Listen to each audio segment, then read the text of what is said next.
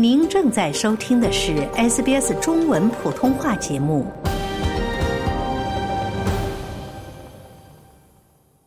听众朋友，你好，今天的我的二零二三，请来的是创业人士刘楚豪，来和我们分享他的二零二三。楚豪说，他的二零二三关键词是团队、胆量和贵人。我们还是听他自己讲吧。好，现在我们的我的二零二三节目请来的嘉宾是在悉尼的华人刘楚豪。楚豪你好，你好。首先，我要祝贺你获得了悉尼的一个创业基金奖项的奖金。不过，具体的我们还是得听楚豪来说一说，到底他二零二三是做了什么样的事情，让他得到了这个奖金，而且也得到了自己创业的一个非常好的开始哦。我是十一月份的时候赢了一个这边相当于是一个创业峰会的路演比赛的一万澳元现金的奖金。从十个项目中，三个月之前我开始自学人工智能，上一门在全球都很火的一门课，叫 Fast 点 AI。然后这门课特别的实用，我就觉得非常好，我就组织了这门课的线下聚会。然后刚好这门课的老师，呃，Fast 点 AI 的 Co-founder 杰瑞明 Howard，他就是澳大利亚人，刚好在二零二一年左右可能是，反正那段时间他就回到了布里斯班居住，从美国。然后我就。特别想去见他，我就看，哎，有一个昆士兰 AI Summit，我就觉得，哎，他大概率会去，我就我就报名了。结果我飞过去的时候，我突然发现他是这种在线上的形式参加的，然后我就在那个课程的讨论群组里面就艾特他，我就说啊，我是一个悉尼的线下这个课程的社群的组组织者，我飞到昆士兰参加这个会，就想特别想见你，但是很可惜没见到。嗯。他就说，哎，那你为什么不来我家算了？然后他就邀请我去他家了，然后还要我顺便组织一下，同时在那个参加那个会的都是发射点 AI 的这个学员的人，呃，一起去。然后就在他的家中，我们我们大概从这个会组织到三个人，包括我自己。然后在他家中我们就见面了。然后我们现在其中有一个，就是我们现在的技术合伙人，technical 偷方的。然后他是有他的加入之后，我们的技术就是。突飞猛进，我们的整个的团队的进展都突飞猛进。在杰瑞米家，大家聊完之后，然后他就邀请我去他家，我的这个技术合伙人叫 Siva，然后他就跟我，我就跟他提了一嘴，我夫人她是一个全职的 YouTuber，她在教别人怎么做钩针，但他在做的过程中，因为他用的是他是中国人，但他用的是英语，所以他发音就有很强的口音，所以他这个生成字幕的过程中，他总是有百分之十五的错误率。他就要花很长的时间去修改这些字幕，然后我的这个合伙人 C 吧，他就真的在两周之后就解决了这个问题。他用他 channel 里面以前有的视频去训练了这个算法，语言模型算法，然后让他能识别我夫人的口音，所以他的准确率从百分之八十五提高了百分之九十七。我们觉得哇，这个好厉害，那我们就我们就决定成立团队，我们三个人。我觉得你刚才说的这一切对我来说就是一个像过山车一样的。你的二零二三的两个关键词，你跟我说，一个是贵人，一个是团队。就在你刚才说的这一一两分钟的时间里面，就都已经出现了。我感觉是很年轻的这种技术型的创业人士的生活，是不是就是这样的？你原来是说你全职想要自己创业，但是两年来都是没有什么进展，是吗？对，我是二零二一年的时候博士，我决定就是 drop out 的博士了，全职做创业的事情。但是两年来进展都不是很多，一直在思考我应该做什么方向。然后就是因为能学习 Fast 点 AI 这门课，我能迅速的切入到 AI 的这个赛道里面。所以你本来学博士的，你专攻的是什么样的专业？是土木工程。但是你却切入到 AI 的这个项目，创业的也是这个项目，拿奖的也是这个项目，好像有点穿越，会不会？对。但是我在那个学，因为我在读博士期间，我其实学了很多数学。我的研究方向是土木工程里面的数学模型，所以在数学方面我还是比较有优势的。学 AI 方面，因为你对这个事情有激情，你就是跟着你的激情走，然后认识了你学习的这个课程的创始人，并且呢，可能你自己都没有想到说，在线下没有见到他，在失望之余却被邀请去了他家，然后还在他家组成了你现在创业的这个团队。所以真的是很奇妙，我觉得是你的激情把你引领到这样的一个状态，是不是？呃，感谢感谢，我确实是的。这种就是就像我说，我去参加那个会，我其实也不知道能不能见到他，我甚至都不知道他会不会去。但是我就是赌一把，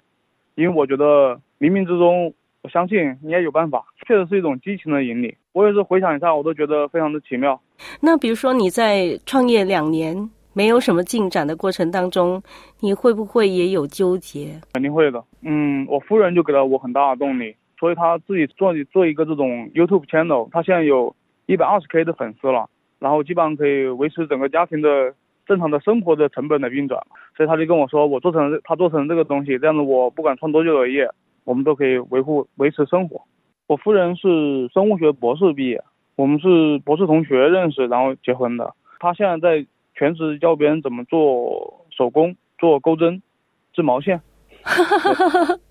那真的是对不起，呃，我真的觉得就是说跟他的专业。虽然是很不相关，但是我会觉得说，当一个人的情商和智商让他能够就是去专攻一个非常高尖的科学专业之外，其实也可以让他就是在生活中有自己的想法，然后有他自己想做的事业，是不是？为什么他会选择一个这么跟他的专业完全不相关的事情来做？是因为她怀孕了，然后她就想一边。能照顾孩子，一般能有自己的事业，然后那个时间刚好又是疫情的期间，所以他就选择了这份钩针的在网 YouTube 事业，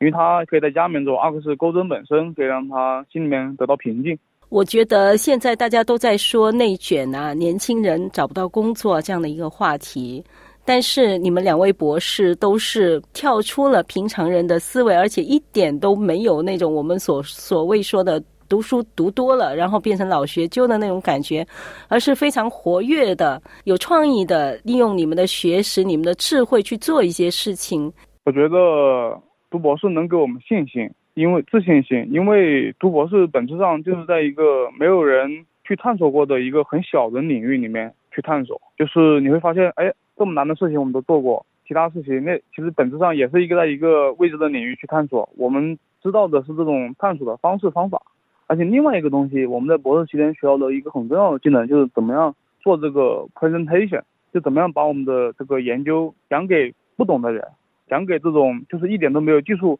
背景的人。所以我们学会了很强的交流能力，这也是一个很重要的部分。好的，楚豪，那你跟我说你的二零二三的第三个关键词就是胆量。我觉得什么给了我们胆量？我觉得对我另外一个很重要的事情是，就是我已经 drop out。我的博士学位了，感觉没有退路了，感觉有点破釜沉舟的感觉。就是在什么事情上，我必须得选择前进，相信自己。呃，有个例子就是那个一万澳元奖金，那个参加那个比赛之前，就是你得先交一千澳元，去作为他们那个峰会的一个展台，一个创业公司的展台，然后附带着这个路演的机会，去赢这个一万澳元奖金。要先投资。对，要先投资。我我们就很相信自己，我们。就决定投资这一千块钱，一千澳元啊！我跟我夫人康灵芝商量之后，决定决定这样做。所以说也是被激发出来的潜能。所以你这个项目它主要的内容是什么？我们项目的内容是专门帮这种网络的博主，主要是 YouTuber，去给他们做一个个人定制化的字幕生成模型，人工人工智能的模型，可以基于他们的口音，这样他们就不用再一直在改字幕了。赢了那个奖金之后，除了是一笔奖金之外，有没有什么后续的机会？刚好 CSIRO 的一个员工在现场听到我们的演讲介绍，然后他觉得我们这个技术可以用在他们的一个两周之后的一个大会现场的实时字幕里面，他就把我们推荐给那个大会的一个组织者了，然后组织者就联系了我们，然后其实我们并不是做这个的。然后我们想想，作为一个创业公司，应该有啥活就接啥活，有个机会你就接上再说。嗯。然后我就接上了，然后我们其实并不知道怎么能做出来，但是我们就接上了。就是这个接这一下，其实我们也讨论了很久。接接到的邮件，然后可能三点钟就给他回复，我们可以做，就我们进行激烈的讨论。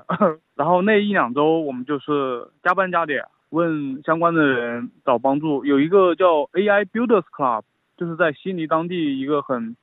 四百多人的一个专门，嗯，大家平时做一些 AI project 的一个社群小组。然后那里面的小伙伴们给了我们很大的帮助，